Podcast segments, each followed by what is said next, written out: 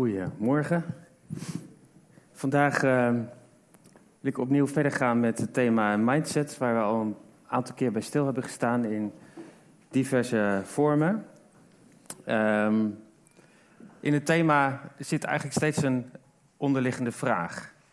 Um, zijn jouw diepste onbewuste overtuigingen eigenlijk wel in lijn met Gods gedachten? Dat is best een grote vraag, maar daarom doen we het ook in het thema, dus dat we dat in uh, stukjes en brokjes beetpakken. Um, misschien heel kort even wat uh, terugpakken van de vorige keer. We hebben met elkaar uh, nagedacht over wat is een mindset eigenlijk. Nou, ik neem aan dat jullie dat dan uh, ook onthouden hebben. Dus roep eens wat. Wat is een mindset? Ik wil is ik kan. Dat is, dat is een voorbeeld van een mindset. Maar ik was op zoek naar de definitie. ja, gedachtepatroon, manier van denken. Hartstikke goed. Ik heb hem zo verwoord. Bewuste en onbewuste overtuigingen en gedachten die we over zaken of dingen kunnen hebben. En uh, dus hoe we, hoe we, diep van binnen denken, dat, uh, dat doet ertoe. Dat is belangrijk. Want onze overtuigingen staan nou eenmaal niet los van ons handelen. En we hebben gekeken naar dit schemaatje. Hè, dat uh, begint met een gedachte. En een gedachte leidt tot een keuze. En een keuze leidt tot handelen. Handelen, als je dat vaker doet, dan uh, ontstaat er een gewoonte. En gewoontes die uh, leiden tot gedrag en uiteindelijk tot karakter. Dus het doet ertoe wat we diep van binnen denken. Nou, we waren gebleven in de Korinthebrief. En we hebben steeds gekeken naar welke mindsets uh, Paulus eigenlijk met de gemeente van Korinthe doorneemt. En hij kaart dan dingen aan en zet daar de mindset van het evangelie tegenover. Nou, vandaag wil ik stilstaan bij hoofdstuk 3. Laten we er meteen maar induiken vanaf vers 1. Maar broeders en zusters, ik kon tot u niet spreken als tot geestelijke mensen. Ik sprak tot mensen van deze wereld, tot niet meer dan kinderen in het geloof in Christus. Ik heb u melk gegeven, geen vast voedsel. Daar was u niet aan toe. En ook nu nog niet. Want u bent nog gebonden aan de wereld. Wanneer u afgunstig en verdeeld bent, dan bent u toch gebonden aan de wereld. Dan leeft u toch als ieder ander. Wanneer de een zegt, ik ben van Paulus en de ander van Apollos, bent u dan niet als alle andere mensen. Dus Paulus die schetst in deze Korinthebrief eigenlijk een aantal categorieën mensen. Natuurlijke mensen en, en, mensen van de wereld. Eigenlijk in tegenstelling tot uh, geestelijke mensen. En hij zegt heel duidelijk dat hij tot hen niet kon spreken als tot mensen die geestelijk volwassen waren. Ze hadden nog behoefte aan melk. En uh, dat prachtige biefstukje, dat uh, was niet aan hun besteed, om zo eens te zeggen. En Paulus is in dit hoofdstuk eigenlijk ontzettend kritisch, uh, confronterend. Want de mindset van de Corinthiërs die blokkeert een gezonde groei naar volwassenheid. En ze lijken op een bepaalde manier met duizend draadjes vast te zitten aan uh, de dingen van de wereld. En dingen die niet horen bij een gezonde christelijke mindset. En ze geloven, maar Paulus zegt toch dat ze gebonden zijn aan de wereld. Dus er waren dingen die ze niet hadden losgelaten en dat blokkeerde hun groei. Paulus die benoemt hun karakter als afgunstig en verdeeld. Dat is best een uh, heftige klassificatie. Waar ik nou benieuwd naar ben, is van welke uh, onbewuste overtuigingen, welke mindsets liggen eigenlijk aan ten grondslag. Vanuit welke mindset waren de Corinthiërs nou eigenlijk terechtgekomen bij een karakter wat Paulus afgunstig en verdeeld noemt? Nou, Paulus die gebruikt uh, in dit hoofdstuk eigenlijk drie metaforen om zijn uh, punt te maken. Allereerst de, metafoor van de akker. Vervolgens schakelt hij over naar een metafoor van de bouwwerk. En uiteindelijk komt hij uit bij de tempel. Goed, maar misschien nog even wat meer over de, over de context van de gemeente in Korinthe. Zoals ik de vorige keer heb aangegeven, was Korinthe een havenstad, een economisch centrum in de regio. Het was een smeltkroes van verschillende culturen. aan de ene kant um, was de Joodse cultuur daar dominant, was ook een synagoge. En daar uh, waren rabbijnen en die hadden volgelingen. die zich ook van elkaar onderscheiden. verschillende scholen van rabbijnen die hadden ook allerlei voorwaarden. Ehm, bij de Sadduceeën moest je bijvoorbeeld een, een, zoon en een dochter hebben. Bij een andere club moest je in ieder geval een zoon hebben, anders mocht je er niet bij. Dat soort aparte dingen. En aan de andere kant was er de Griekse cultuur. Met uh, allerlei filosofische stromingen. En uh, Aristoteles was bijvoorbeeld een, een, belangrijke filosoof uit die tijd. Maar die verschillende filosofen die hadden ook eigenlijk allemaal hun eigen clubjes. En het was een cultuur van uh, debatteren en overtuigen. elkaar overtuigen van nieuwe ideeën. En het was eigenlijk belangrijk dat je gezien en gerespecteerd werd. Met name ook voor uh, mensen die macht hadden en invloed. En deze cultuur die had dus ook invloed op het denken in de gemeente van Korinthe. Hey, was een mindset van de cultuur, um, waardoor er eigenlijk in de, in de gemeente verschillende partijen waren ontstaan. Verschillende leiders uh, die hadden in de verschillende fases van de gemeente in Korinthe een, uh, een rol gespeeld. Bij de opbouw, bij de, het, het verder uitbouwen. Maar de een zei van nou, ik hoor bij de planter Paulus. En de ander zei, ik, uh, ik hoor bij Apollos.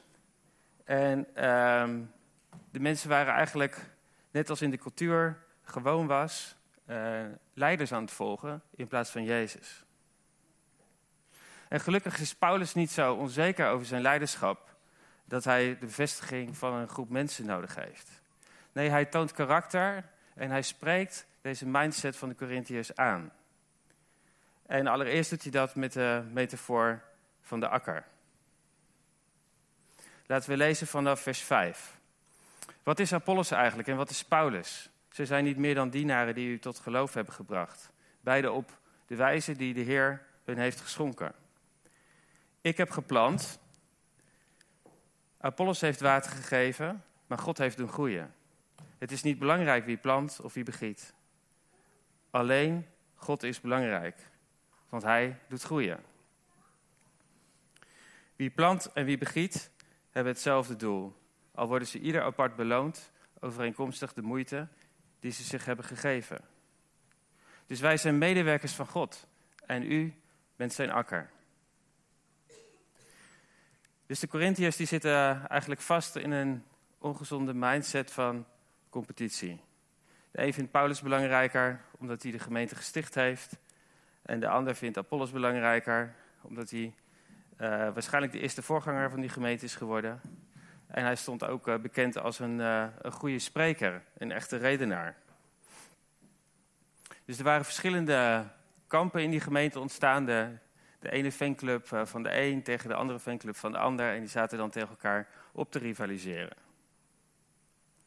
Maar het gaat in de gemeente niet om competitie tussen bedieningen. Het gaat om God zelf. Dat is het punt wat Paulus hier maakt. En God wil door iedereen werken. Dus de bediening van de planter is niet belangrijker dan degene die begiet. En God is belangrijk, want Hij zorgt voor groei. De, de rol van degene die jou misschien gedoopt heeft, is niet belangrijker dan de rol van degene die je misschien door een moeilijke tijd helpt of waar je een pastoraal gesprek mee hebt. De rol van de gemeentestichter is niet belangrijker dan de voorganger die verder bouwt of andersom. Ga maar eens na, hoeveel uh, mensen heeft God in jouw leven, op jouw pad gestuurd? Uh, hoeveel mensen hebben een rol gehad in jouw geestelijke groei? Het zijn allemaal verschillende mensen die een heel klein rolletje hebben gespeeld. En God heeft door zijn geest um, ja, mensen op jouw pad gestuurd op zijn tijd om jou een stapje verder te helpen. Om jou dingen aan te reiken, zodat je daarover na kan denken, dat je dat kan internaliseren in je hart. En dat is Gods werk. God geeft de groei. En Paulus die benadrukt uh, de eenheid uh, die God door zijn geest geeft. Door, je, door op de juiste momenten uh, mensen op jouw pad te sturen. En het is één proces. En de, de ongezonde mindset van de Corinthiërs die was gefocust op, uh, op grote leiders met imposante bedieningen. En dat brengt altijd eenzijdigheid en beperking met zich mee. Er is geen mens, er is geen leider die het hele pakketje van wat Gods geest wil geven ehm, omvat. Het is altijd op een bepaalde manier eenzijdig. En zelfs de bediening van Jezus die was niet zo bedoeld. Hij zei tegen zijn volgelingen dat zij nog grotere dingen zouden doen dan hij. Dus wanneer je van meerdere mensen tegelijkertijd leert, dan groei je evenwichtig en veelzijdig. En de mindset van de Corinthiërs, die maakt eigenlijk die veelzijdigheid en die veelkleurigheid van de gaven en talenten die God aan de gemeente wil geven, die maakt het kapot. De gaven en de talenten van de een, die worden uitgespeeld tegen de gaven en talenten van de ander. Nou, wij genieten bijvoorbeeld enorm van uh, de verschillende aanbiddingsleiders in onze gemeente. En we dagen hem ook uit om dicht bij zichzelf te blijven en hun eigen stijl te ontwikkelen. Want God kan alleen ten volle door iemand heen werken als je dicht bij jezelf blijft en dat het ook echt is. Dus we gaan niet zeggen van, hé, hey, Nathalie heeft van, vanochtend aanbidding uh, geleid. Um, gaan we allemaal achter Nathalie aan ten koste van een ander. Nee, we omarmen de veelkleurigheid. En datzelfde geldt voor, uh, voor sprekers. Hoe Norman uh, spreekt, hij doet dat op zijn geheel eigen wijze. En dat is prachtig.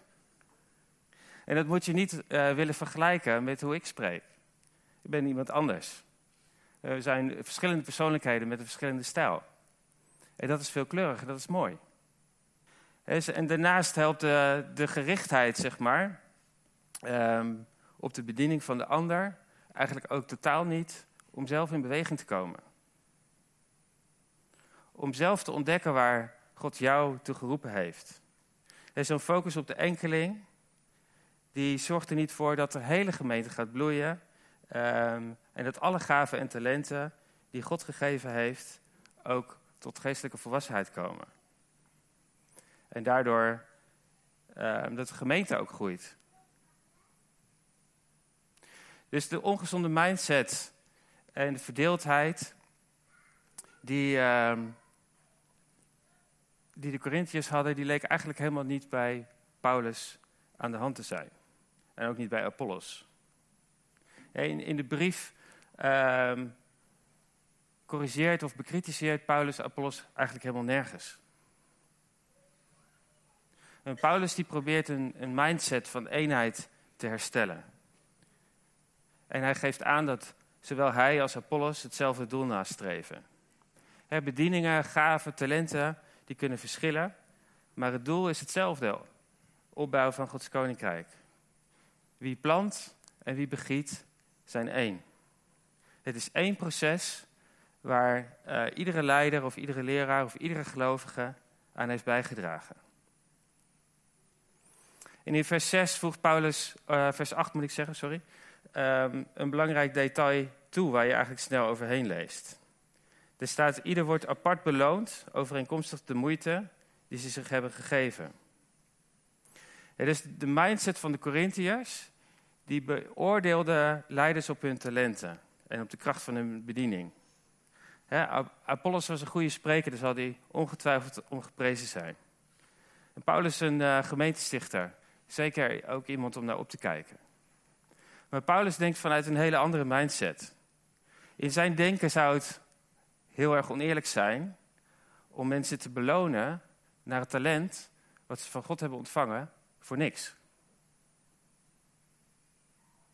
Niemand wordt beloond voor zijn talenten. Nee, we worden beloond um, naar de mate van onze trouw en de moeite en de inzet die we hebben getoond. of we nu beschikken over veel talenten of misschien minder talenten in de ogen van mensen. We worden beoordeeld naar onze trouw en onze toewijding. Mensen met weinig talent en grote toewijding en trouw, die zullen dus meer beloond worden dan mensen met heel veel talent, maar die zich heel weinig moeite hebben getroost. Het gaat dus niet om hoeveel talent je ontvangen hebt, maar het gaat, gaat erom wat je uh, met je talenten doet, die je van God hebt ontvangen. En dat is een gezonde mindset die Paulus hier neerzet. Ben je trouw geweest? Heb je je talenten ingezet? Dat zijn vanuit Paulus' mindset ineens de belangrijkste evaluatievragen geworden. Denk ook aan de gelijkenis van de talenten die Jezus vertelt. Goede en trouwe dienstknecht horen zij die hun talenten goed gebruikt hebben. In vers 8 zegt Paulus: Wij zijn medewerkers van God. En daarmee herdefinieert hij de mindset van de Corinthiërs. Jullie zeggen: Ik ben van die en van die. Nee, jullie zijn van God. Hij verlegt hun focus op leiders naar een focus op God. Het gaat niet om grote leiders, het gaat niet om grote namen, het gaat niet om ronkende teksten. Paulus denkt vanuit de mindset van het evangelie en geeft leiderschap vorm wat Jezus voorleefde. Een dienend leiderschap dat faciliterend is aan een groter geheel. Een dienend leiderschap wat niet gericht is op zichzelf, maar gericht is op God. Een dienend leiderschap dat anderen helpt om ook gericht op God te zijn. Een dienend leiderschap dat zich, uh, zichzelf niet op de voorgrond plaatst, maar zichzelf ziet als een schakeltje in een grotere keten. En in vers 9 schakelt Paulus door naar de volgende metafoor. En hij voegt hier nog een aantal nieuwe elementen toe aan zijn betoog. De metafoor van het bouwwerk. Laten we lezen vanaf vers 9. U bent het bouwwerk van God. Overeenkomstig de taak die God mij uit genade heeft opgelegd, heb ik als een kundig bouwmeester het fundament gelegd. En andere bouwen daarop voort. Laat ieder erop letten hoe hij bouwt. Want niemand kan een ander fundament leggen dan er al ligt: Jezus Christus zelf. Of er op dat fundament nu verder wordt gebouwd met goud, zilver en edelstenen, of met hout, hooi en stro, van ieders werk zal duidelijk worden wat het waard is. Op de dag van het oordeel zal dat blijken, want dan zal het door het vuur aan het licht worden gebracht. Het vuur zal laten zien wat ieders werk waard is. Wanneer iemands bouwwerk blijft staan, zal hij worden beloond. Wanneer het verbrandt, zal hij daarvoor de prijs betalen. Hij zelf zal echter worden gered, waardoor het vuur heen. Dus Paulus die zet een metafoor neer. De gemeente is een bouwwerk van God. Dat is de mindset die hij introduceert. De gemeente is niet gebouwd om uh, grote leiders heen of uh, bedieningen, maar op Jezus. Hij is het fundament. En er is geen ander fundament waar we Gods huis, zijn gezin op kunnen bouwen. Dus de woorden en de daden van Jezus zijn fundamenteel. Ze zijn cruciaal. Er bestaat geen verzoening en verlossing buiten Jezus om. Hij is de weg naar de Vader. En zonder Jezus als fundament is kerk zijn zinloos. En wordt het eigenlijk een beetje een triest clubje.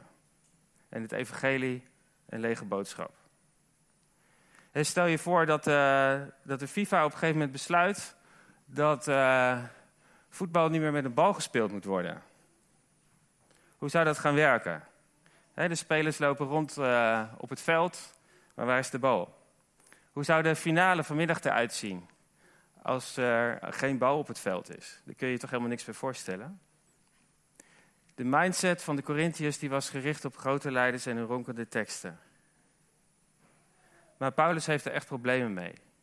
De preken van Apollos waren dan misschien wel goed, maar het effect was meer dat mensen zich verbonden aan zijn onderwijs en aan hem dan aan God zelf. Dus de focus op enkele met een bediening in de gemeente past niet in de mindset van Paulus. Iedereen is geroepen om met uh, zijn of haar talenten verder te bouwen op het ene fundament. En de focus op de kwaliteiten en de talenten van anderen, dat kan je zelfs ook een beetje passief maken.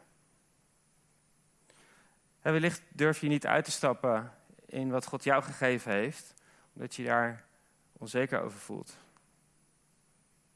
Of omdat er zo'n groot voorbeeld is van iemand waar je tegenop kijkt. En waar je jezelf steeds kleiner eh, voelt worden. Maar dat zijn dingen die we mogen loslaten. In de Vineyard hebben we de uitspraak: uh, Everyone gets to play. En vanochtend zou ik willen zeggen: Everyone gets to build. Iedereen is uitgenodigd om te bouwen op het fundament van Jezus Christus. Everyone gets to build. Iedereen is uitgenodigd om met zijn gaven, met zijn talenten, met zijn tijd, met zijn geld, met zijn energie uh, Gods koninkrijk te bouwen.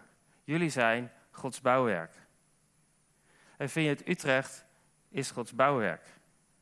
En wij zijn levende stenen zo, zoals je dat zou kunnen zeggen. Gebouwd op de hoeksteen, Jezus Christus. En jij bent uitgenodigd om in deze gemeente te bouwen met jouw talenten. Met de dingen die God jou heeft gegeven. Je mag bouwen met goud, met zilver, met edelstenen. Met de dingen die God op jouw hart heeft gelegd. Met wat voor materiaal we bouwen op dat fundament, dat doet hij toe. Paulus gaat daar ook verder op in. Zij noemt een aantal materialen. En die materialen komen niet zomaar ergens vandaan. Het zijn ook de materialen waar de, de tempel van Salomo mee gebouwd werd. En dat is, is dan ook de volgende metafoor waar we straks op komen. Dus Paulus geeft een criterium voor het bouwmateriaal. Namelijk of het materiaal bestand is tegen vuur. Goud, zilver en edelstenen die verbranden niet in vuur. Maar hout, stro en hooi, uh, ja, die vergaan. Die hebben geen eeuwigheidswaarde. Dus het vuur zal laten zien wat het werk van iedereen waard is. En de mindset in de gemeente van Korinthe is er een van beoordelen en waarderen en van competitie. Ze kijken en vergelijken wat het werk van de ene leider waard is versus het werk van de ander. Maar daar is het helemaal de tijd en de plaats niet voor. Paulus zegt, God zal zelf beoordelen en hen belonen. Die met het juiste materiaal gebouwd hebben. Van al onze bouwwerken zal op een gegeven moment duidelijk worden wat het waard is. Alles wat we zelf hebben toegevoegd, ehm, of wat we misschien wel heel erg belangrijk vonden, maar wat niet uit Gods hart kwam, dat zal het niet te redden.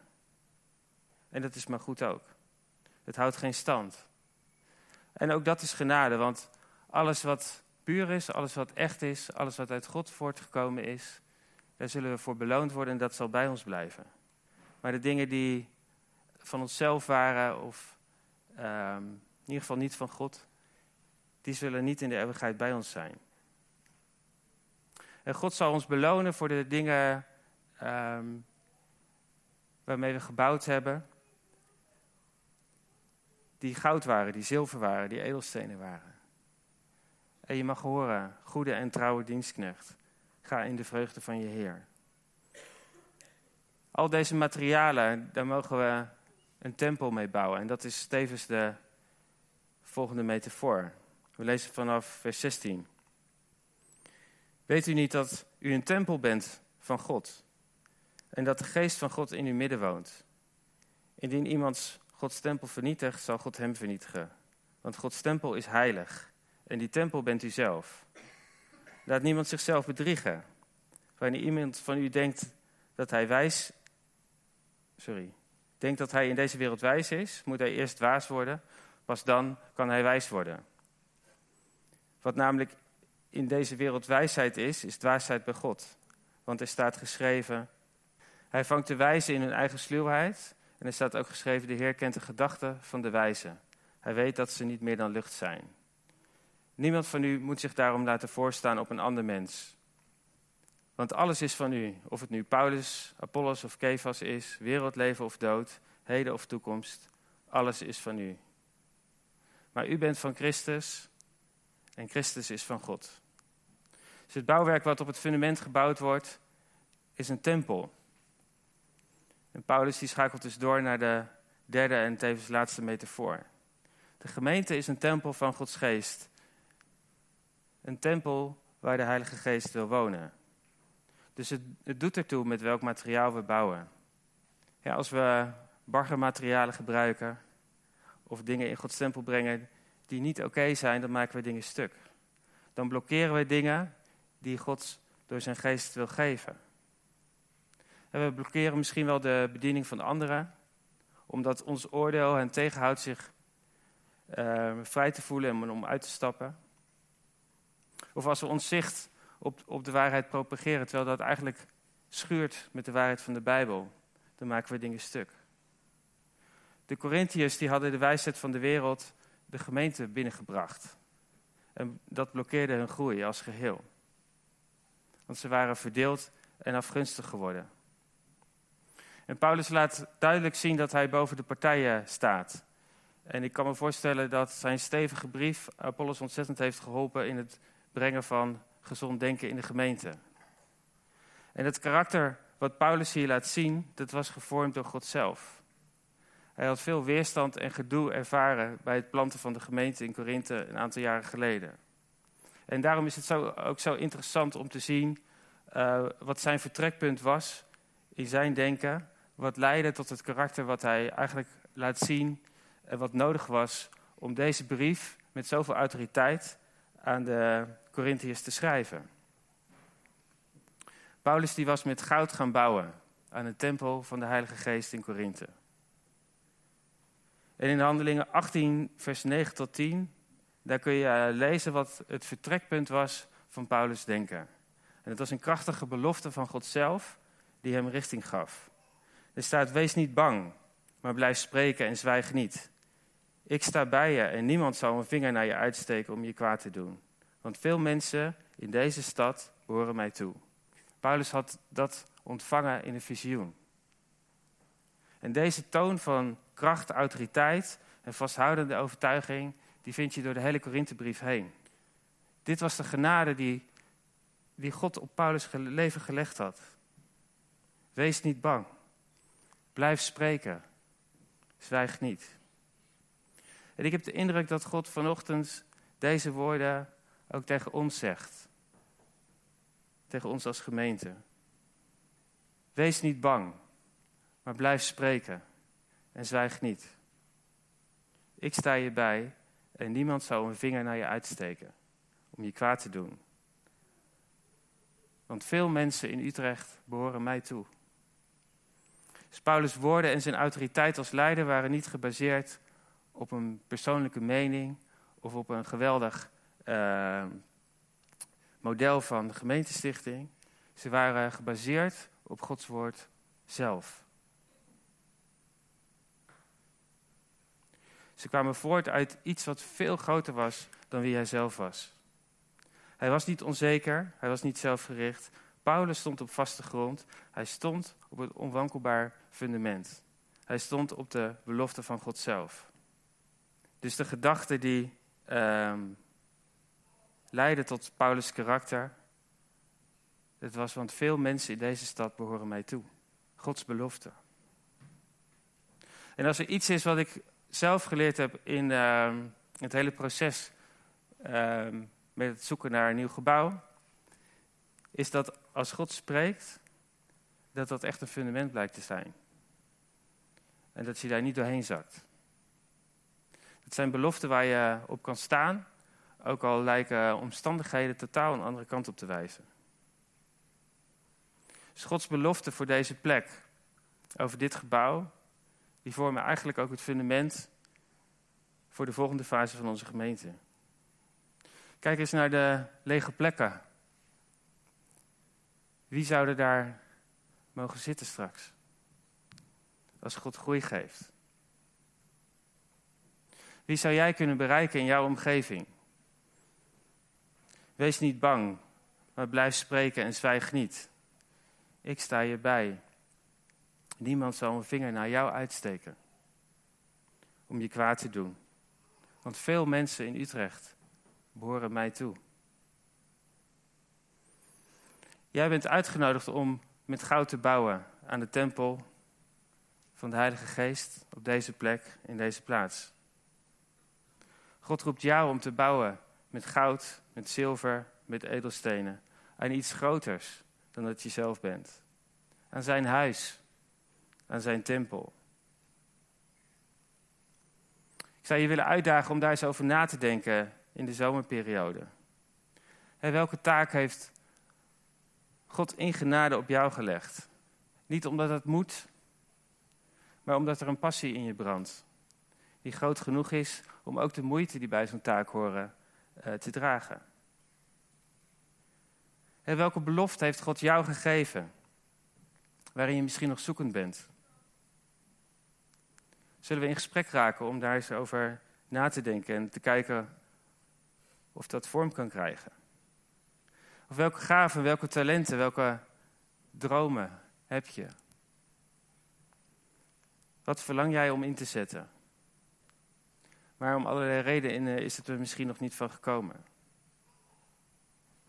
Wees niet bang, maar blijf spreken en zwijg niet. Ik sta je bij en niemand zal jou met de vinger aanraken. Want veel mensen in Utrecht behoren mij toe. Everybody gets to build. Amen. Zullen we gaan staan? Heilige Geest, wilt u, wilt u komen? Kom, Heilige Geest. En bouw uw huis op het fundament van Jezus. En Heer, vergeef ons wanneer we zwijgend hebben gezwegen, wanneer we bang waren en niet hebben gesproken. Heer, vergeef ons wanneer we niet vertrouwd hebben op uw bijstand. Heer, help ons om, om te spreken, om in beweging te komen.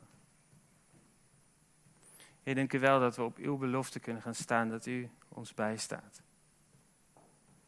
Dat niemand een vinger naar ons uitsteekt. Dat niemand ons kwaad kan doen. Heer, kom met uw geest en raak ons aan. Heer, dank u wel dat veel mensen in deze stad u toebehoren. Heer, breng ze naar, uh, naar ons toe. En breng ons naar hen toe. Heer, bouw uw koninkrijk, Heer, door ons heen.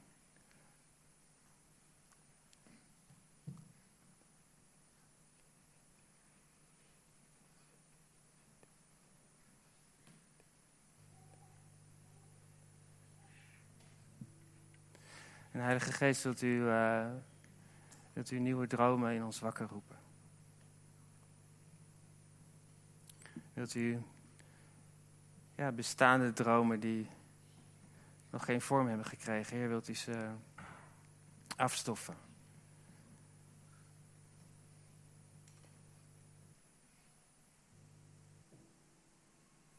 Heilige Geest, wilt u de rijen doorgaan en ja, wilt u de, de gaven en talenten die u in ons heeft gelegd, Heer, wilt u die doen oplichten?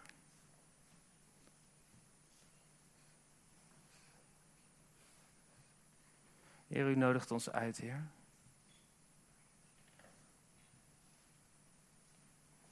Heer, help ons om te reageren. In Jezus' naam.